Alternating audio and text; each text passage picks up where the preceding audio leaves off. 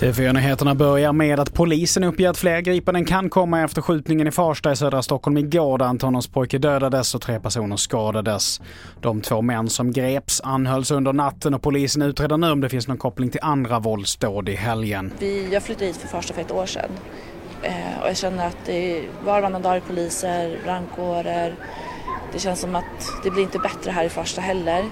Eh, och eh, mina barn eh, nu för tiden ringer man tidigt till barnen och säger vad gör ni? Det gjorde man inte förr. Man kunde låta dem vara ute till 9-10 de kommer hem och utrycker.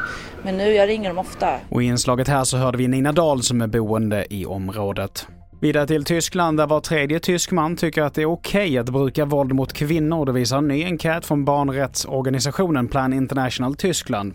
Undersökningen genomfördes på 2000 män och kvinnor mellan 18 och 35. Och till sist, Petter Stordalens hotellkedja blir nästa bolag att bojkotta Marabous ägare Mondelez. Det meddelar man under lördagen.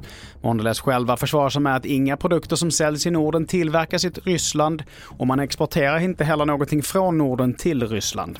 Fler nyheter hittar du på tv4.se. Jag heter Mattias Nordgren.